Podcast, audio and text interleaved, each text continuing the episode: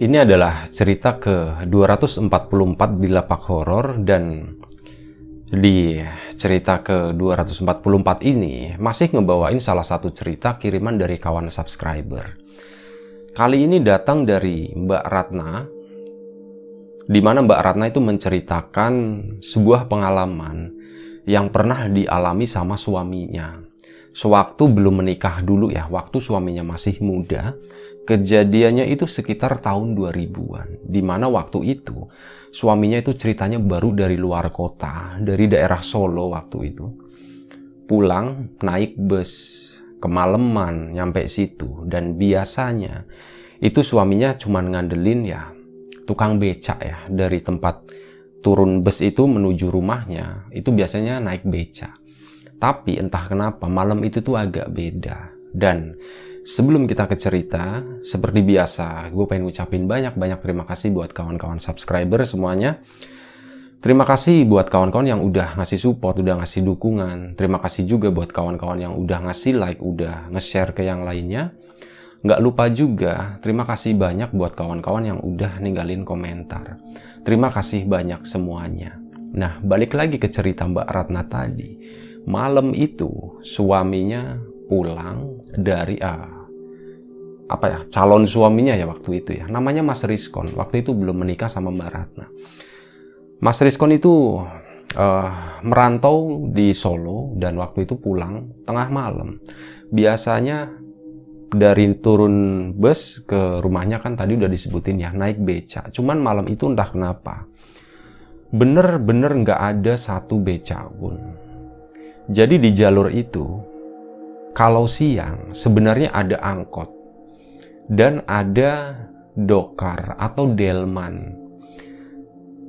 Cuman yang namanya dokar atau delman itu hanya beroperasi sa sampai jam 5 sore.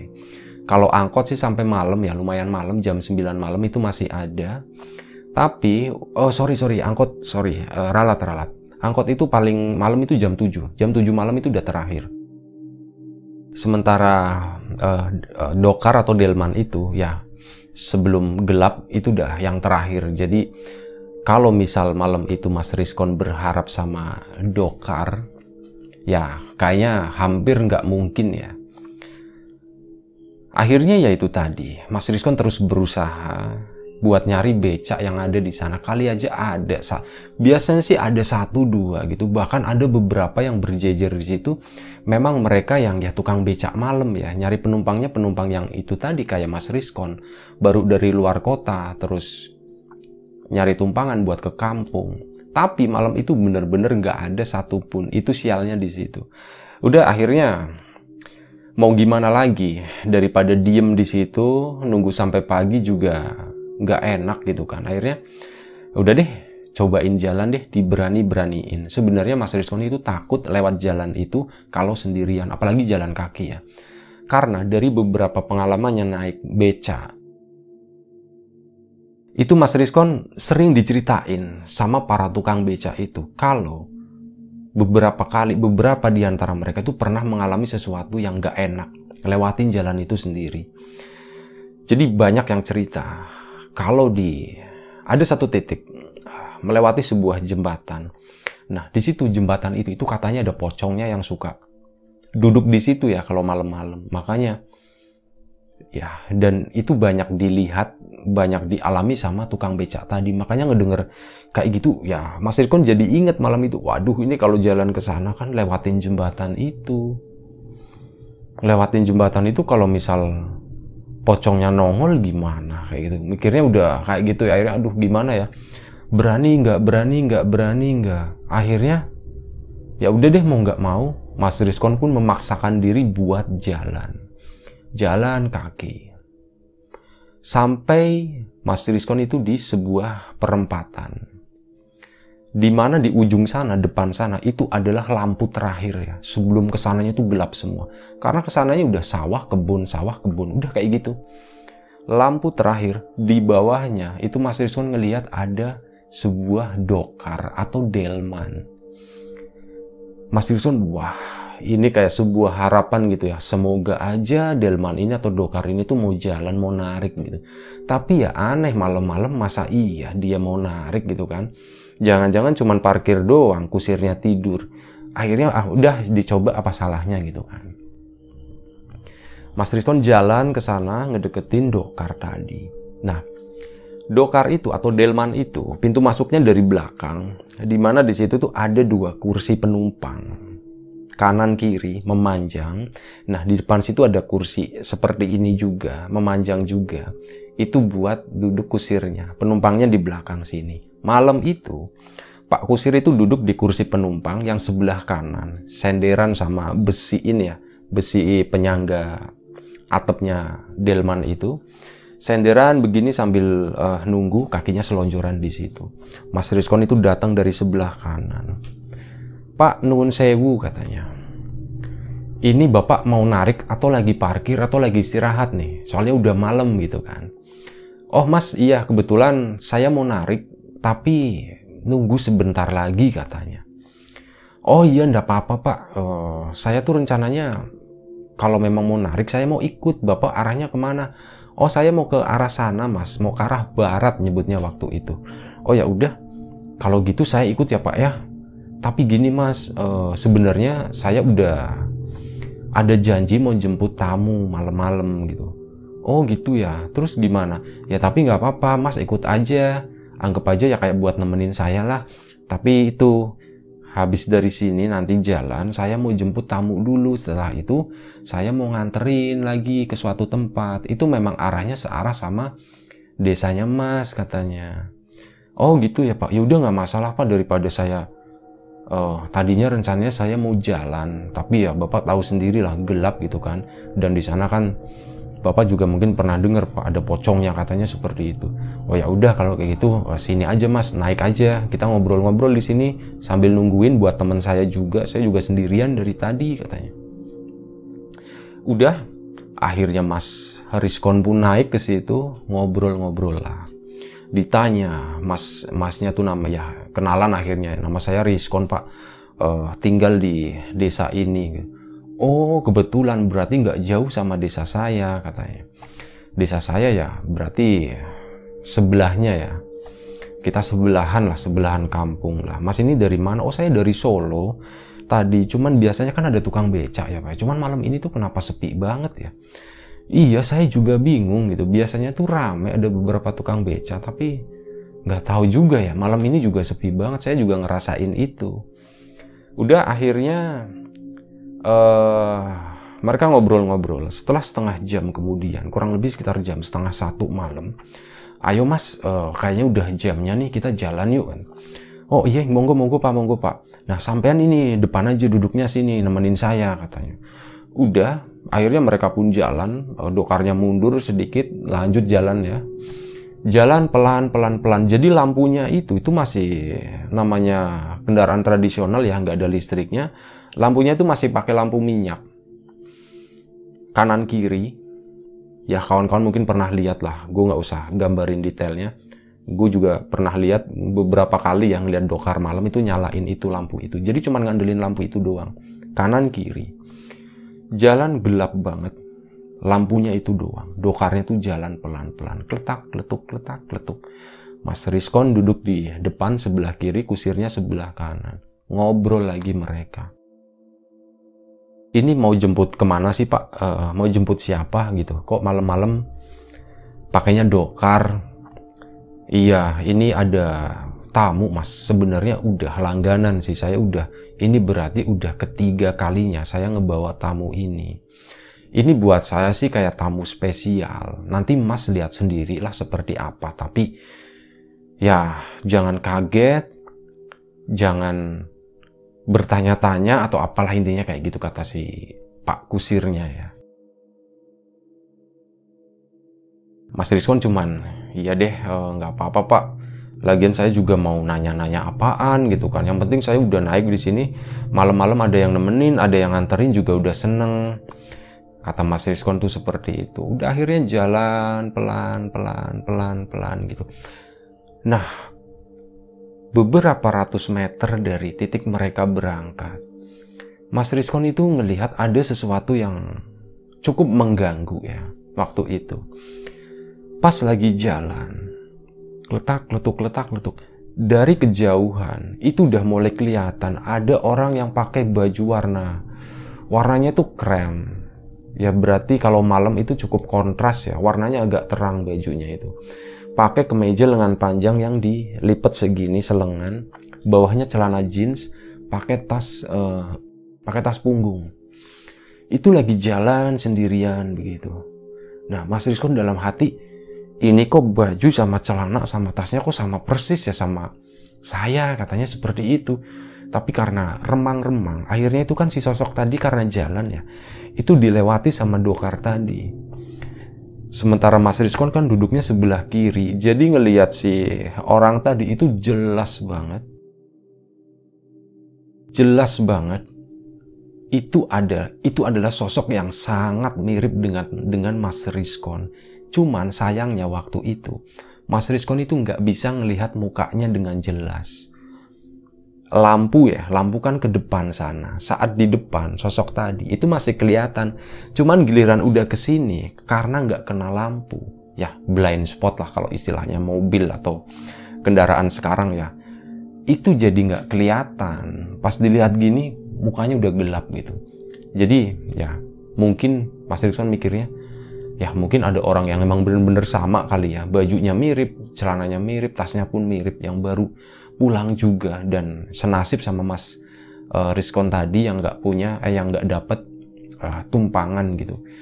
Dan anehnya lagi si bapak kusir itu itu nggak menawarkan gitu mau ikut enggak gitu. Itu jadi pertanyaan Mas Rizkon ini kenapa sih ya? Apa sih sebenarnya yang terjadi gitu? Kok aneh banget? Ada orang yang mirip banget dengan dirinya sama dengan kondisi jalan di kegelapan seperti itu sementara Pak Kusirnya itu nggak nawarin gitu nggak nawarin buat naik tapi udahlah masa bodoh kata Mas Rizkon. Tetap jalan mereka pun ngobrol. Ngobrol-ngobrol ngalor ngidul nggak jelas gitu ya. Sampailah mereka pada sebuah jalan kecil. Ini jalan ke sana masih lurus sebenarnya. Ada jalan desa ke kiri. Dokarnya tadi melambat dan masuk belok ke arah kiri sana. Masuk ke jalanan yang lebih kecil dan agak kasar. Tuplak, tupluk, tuplak, tupluk, tuplak, tupluk. Bener-bener hening, cuman suara sepatu kuda aja yang kedengeran ya.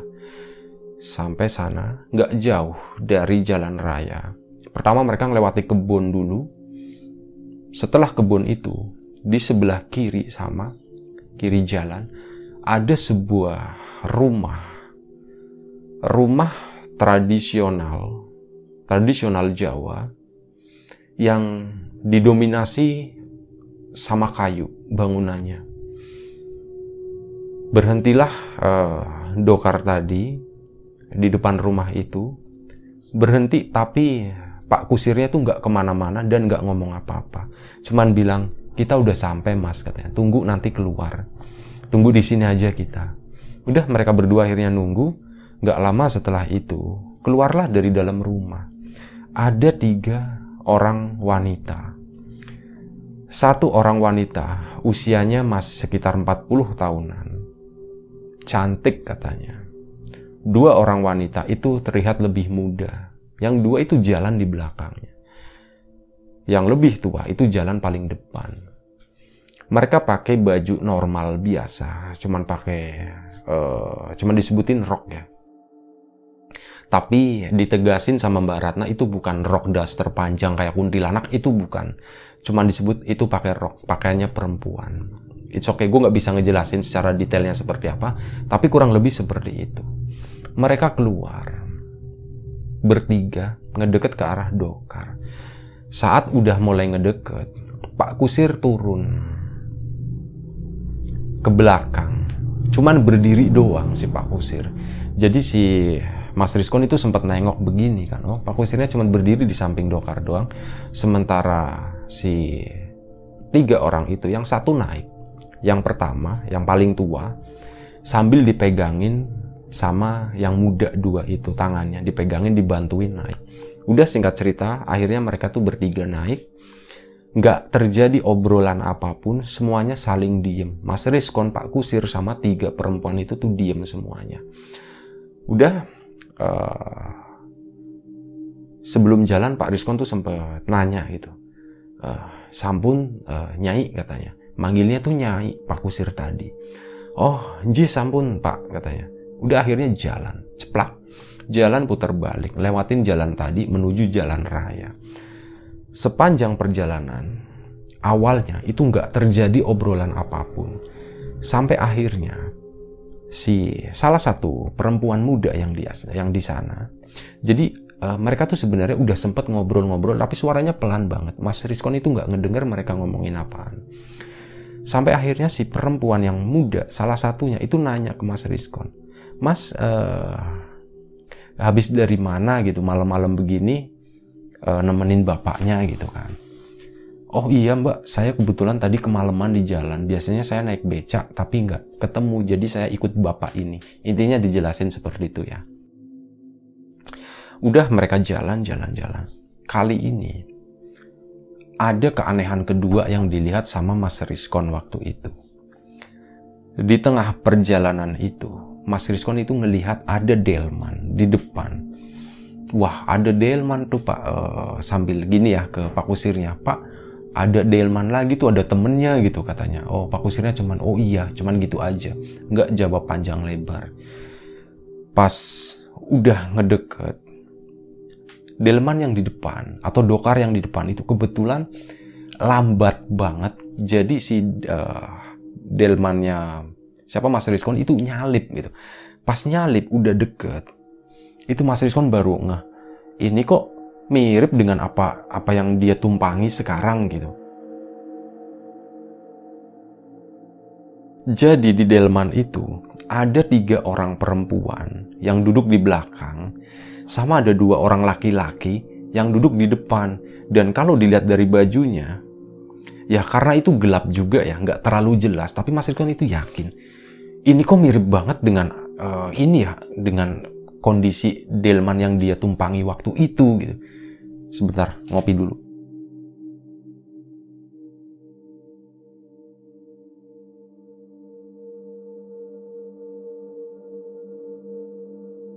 Iya, itu kok uh, sama banget, mirip banget dengan delman dia gitu. Bahkan dia ngelihat ada sosok yang mirip dengan si Mas Rizkon itu juga gitu. Tapi udahlah ini bener-bener malam ini tuh aneh kata Mas Rizkon. Akhirnya lanjut perjalanan, dilewatin delman itu. Mas Rizkon sempat ngeyakinin, bener nggak nih, bener nggak, bener nih. Beneran astagfirullahaladzim. Kok mirip banget ya katanya. Itu sempat kelihatan katanya mukanya. Oh itu mukanya Pak Kusir sama gitu kan. Udah tapi ah masa bodoh lah Bismillah aja waktu itu. Nah Mas Rizkon di situ tuh udah mulai ngerasa ada sesuatu yang aneh malam itu ya.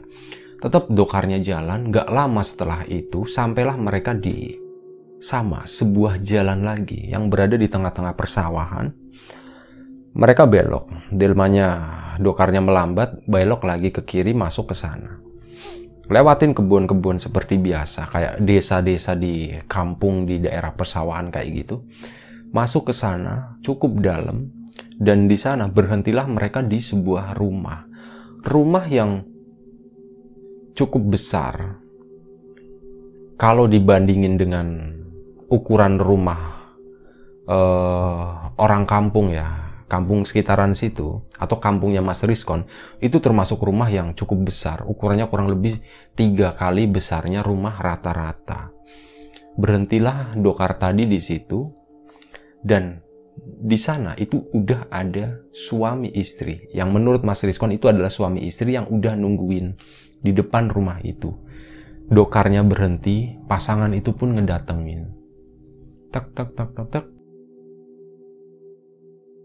Pak Kusir turun, ngebukain pintu belakang ya. Pintu belakang dokar itu dibuka. Nah si dayang eh dayang apa namanya? Dua orang yang lebih muda perempuan yang lebih muda itu turun duluan. Setelah itu baru si yang disebut sama Pak Kusir sebagai nyai ya. Nyainya baru turun ke situ. Digandeng. Pas digandeng jalan pun masih digandeng katanya. Diterima sama dua uh, orang suami istri itu. Begitu si Nyai berdiri di sana, dua orang itu itu langsung apa ya? Kayak langsung nunduk kayak gini begini. Iya, dia benar-benar kayak turun gitu. Turun dia kayak nunduk. Kayak ngasih penghormatan seperti itulah. Setelah itu bangun lagi. Nah, giliran si Nyai yang digandeng sama suami istri itu tadi masuk menuju rumah. Masuklah mereka di sana dan sebelum mereka masuk, itu sempat nyapa Pak Kusir sama Mas Rizkon. Mas, sambil nunggu, uh, minum dulu ya di sana katanya. Waduh, Mas Rizkon kan sebenarnya kok udah apa ya kayak ngerasa ini kok aneh ya katanya kayak gitu Mas Rizkon tuh udah bener-bener apa ya kalau bahasa gue tuh kerentek gitu ya ini tuh nggak beres nih ini nggak beres nih. tapi kata Pak Kusirnya langsung kalau udah ditawarin jangan ditolak bahaya katanya seperti itu. Waduh di situ Mas Rizkon bingung kan akhirnya ya udah ya udah ya udah siap siap katanya kayak gitu. Oke okay, eh bukan oke okay, ding. Apa namanya? Oh janji pak janji pak katanya. Akhirnya mereka Mas Rizkon sama itu uh, ngikutin ya ngikutin mereka di belakang. Mereka masuk ke dalam rumah. Mas Rizkon sama Pak Kusir itu duduk di teras rumah. Nggak lama setelah itu suaminya eh istrinya uh, tadi yang istrinya itu keluar bawa minuman. Ada teh anget gitu dua gelas dikasih monggo katanya. Oh nggih matur nuwun. Mas Rizkon cuma diem aja di situ. Ayo mas uh, dicoba gitu. Jangan pernah ditolak katanya seperti itu. Akhirnya diminum sama Mas Rizkon Bismillahirrohmanirrohim diminum der gitu kan. Mereka masih ngobrol-ngobrol pak ini sebenarnya siapa sih pak? katanya. Kok aneh banget gitu ya siapa gimana? Saya juga nggak tahu katanya seperti itu. Dan saya mau nanya lagi pak. Mohon maaf ya pak ya. Ngapunten gitu pak. Bapak itu setan bukan sih? Katanya kayak gitu. Mas Irkan tuh malah nanya. Mas Irkan tuh curiga sama ini Pak Kusirnya setan atau bukan gitu. Karena ya dia ngelihat di sepanjang perjalanan itu kan yang aneh-aneh ya. Dokarnya sama terus dia ngelihat orang yang sama persis sama kayak Mas Rizkon. Ditanyain seperti itu si Pak Kusirnya langsung dikeplak gini.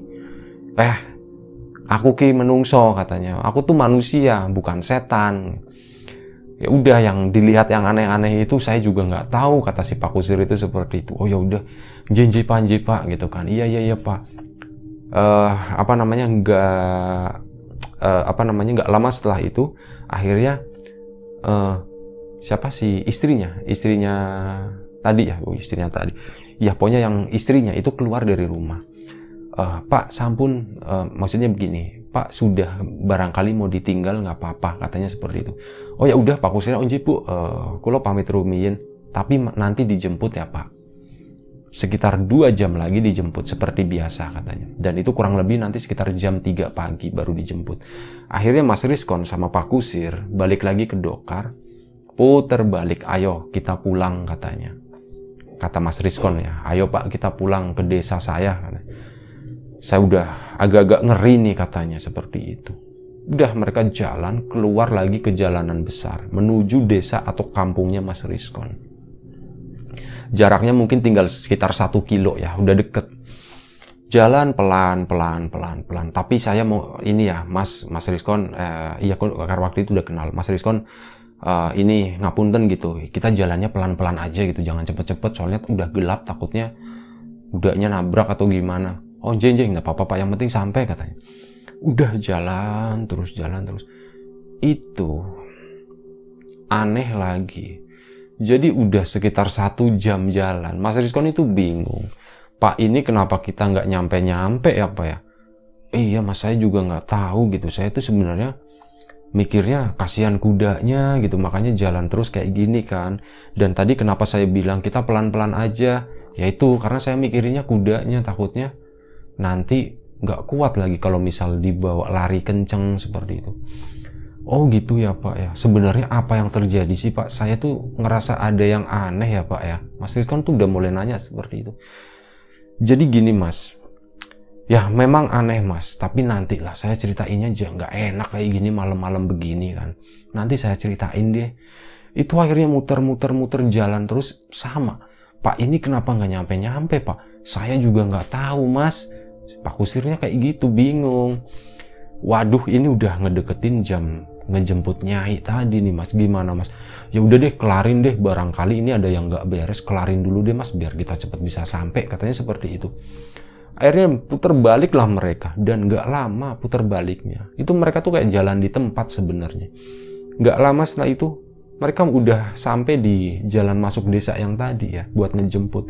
Akhirnya ke sana balik lagi sampai di rumah yang tadi rumah besar itu tadi dan di sana itu di depan rumah udah ada suami istri sama tiga orang perempuan cuman kali ini tiga orang perempuannya itu yang agak sedikit beda sosok yang disebut nyai itu tadi dan dananya itu udah beda banget. Itu lebih mirip kayak seorang pengantin, udah cantik. Sama dua orang pengikutnya pun sama, itu udah dihias ya, ala-ala pengantin Jawa kayak gitulah.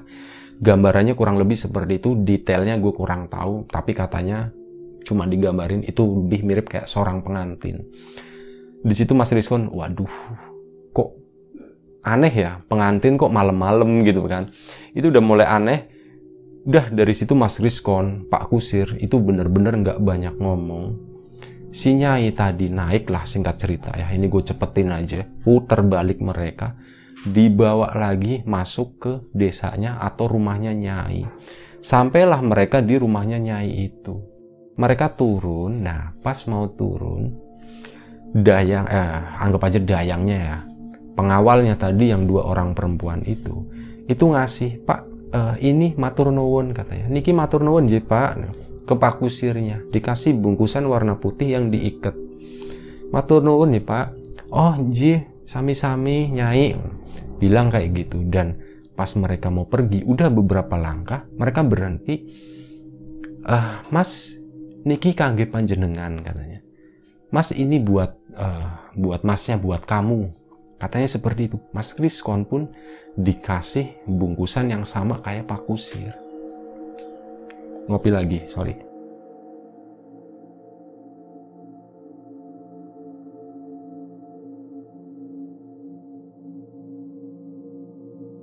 Si Pak Kusir ngasih kode, Mas ambil aja, terima aja, jangan ditolak katanya seperti itu.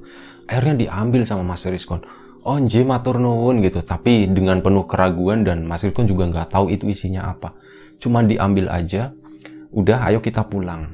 Mereka pamitan pulang mereka.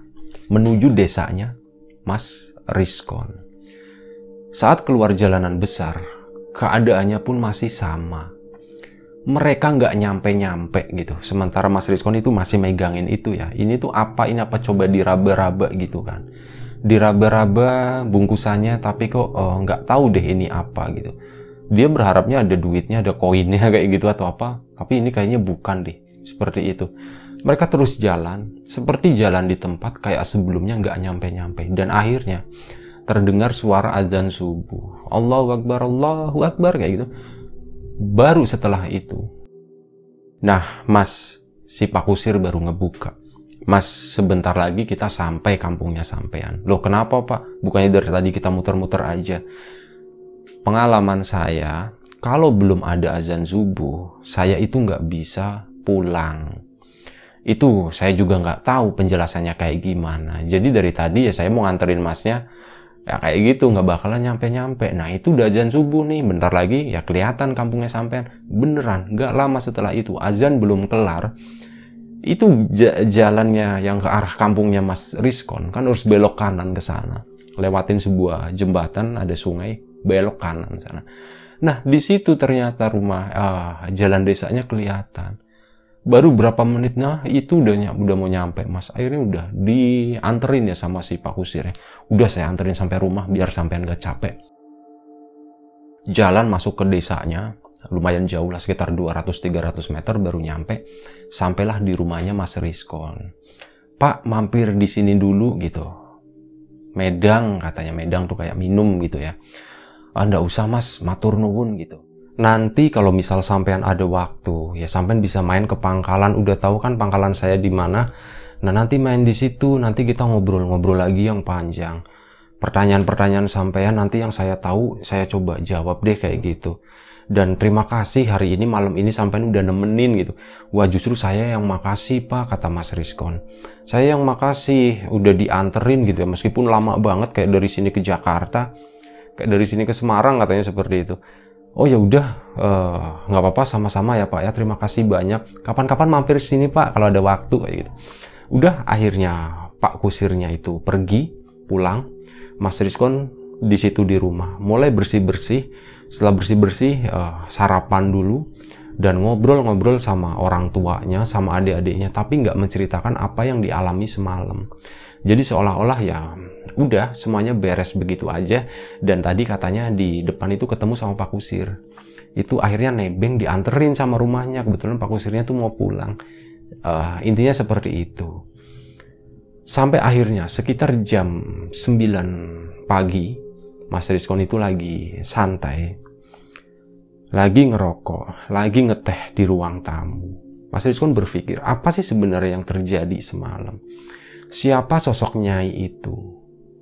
Kenapa dia melihat ada orang yang ber, uh, orang yang jalan sendirian dan itu mirip dia? Sama ada satu dokar atau satu delman itu yang juga sama persis dengan dokar atau delman yang dia tumpangi malam itu. Itu benar-benar pertanyaan uh, apa hal-hal yang aneh yang pernah dialami sama Mas Rizkon itu ya malam itu gitu. Akhirnya Mas Rizkon tiba-tiba keinget, oh iya, semalam kan aku dikasih ini, dikasih bungkusan warna putih yang dia nggak tahu isinya. Dia pun akhirnya bergegas dari ruang tamu masuk ke kamar lagi, diambil tasnya, dibuka, diambillah bungkusan tadi. Set. Pas sudah diambil itu dilihatin gitu ya, dibolak-balik, itu bungkusannya keiket ya. Itu kayak kain yang diginiin terus diikat udah gitu aja. Dia dilihat-lihat ini apa ya? gitu. Dia cium. Baunya wangi wangi banget. Wangi melati wangi bunga-bunga. Dicium dia coba raba-raba gitu ya. Ini apa? Dia berharap itu adalah isinya kayak koin atau apalah pokoknya yang kayak gitu ya. Ini kayak di film-film gitu koin terus emas kayak gitu. Berharapnya tuh seperti itu. Dia diraba-raba gitu dipegang-pegang. Tapi dia nggak tahu itu tuh apa. Itu bukan koin entahlah itu apa. Dan akhirnya Mas Rizkon pun duduk di uh, tempat tidur dia di situ. Ditaruh bungkusan tadi dibuka. Jreng jreng. Saat ngelihat itu astagfirullahaladzim gitu Hal pertama yang terucap sama Mas Rizkon adalah istighfar. Melihat benda di depannya, astagfirullahaladzim. Dan setelah itu, sayangnya Mbak Ratna itu nggak ngelanjutin ceritanya. Isi bungkusan itu apa? Katanya Mbak Ratna janji setelah ini akan dilanjutin. Ceritain isinya itu apa, termasuk nanti obrolan-obrolan Mas Rizkon sama Pak Kusir tadi. Termasuk siapa sosok Nyai itu. Dan gue mohon maaf kalau cerita ini termasuk cerita yang ngambang ya. Sama-sama bersabar ya. Kawan-kawan bersabar gue di sini juga ikut bersabar juga gitu. Karena gue juga penasaran ceritanya seperti apa. Dan buat Mbak Ratna mohon dilanjutin ceritanya karena gue nggak mau ngarang-ngarang juga gitu kelanjutannya seperti apa. Seperti itu insya Allah 2-3 hari ke depan ya. Atau mungkin seminggu ke depan kita akan lanjutin uh, cerita ini ya seperti apa kelanjutannya ya gue mohon maaf buat kawan-kawan semua di rumah. Kalau misal ada sesuatu yang nggak menyenangkan ada sesuatu yang nggak enak didengar gitu di telinga kawan-kawan maupun di hati kawan-kawan mohon dimaafkan. Kita ambil segala sesuatu yang positif dari cerita ini dan kita buang jauh-jauh sesuatu yang negatif. Sekali lagi terima kasih banyak buat kawan-kawan semua. Uh, jaga kesehatan kawan-kawan. Assalamualaikum warahmatullahi wabarakatuh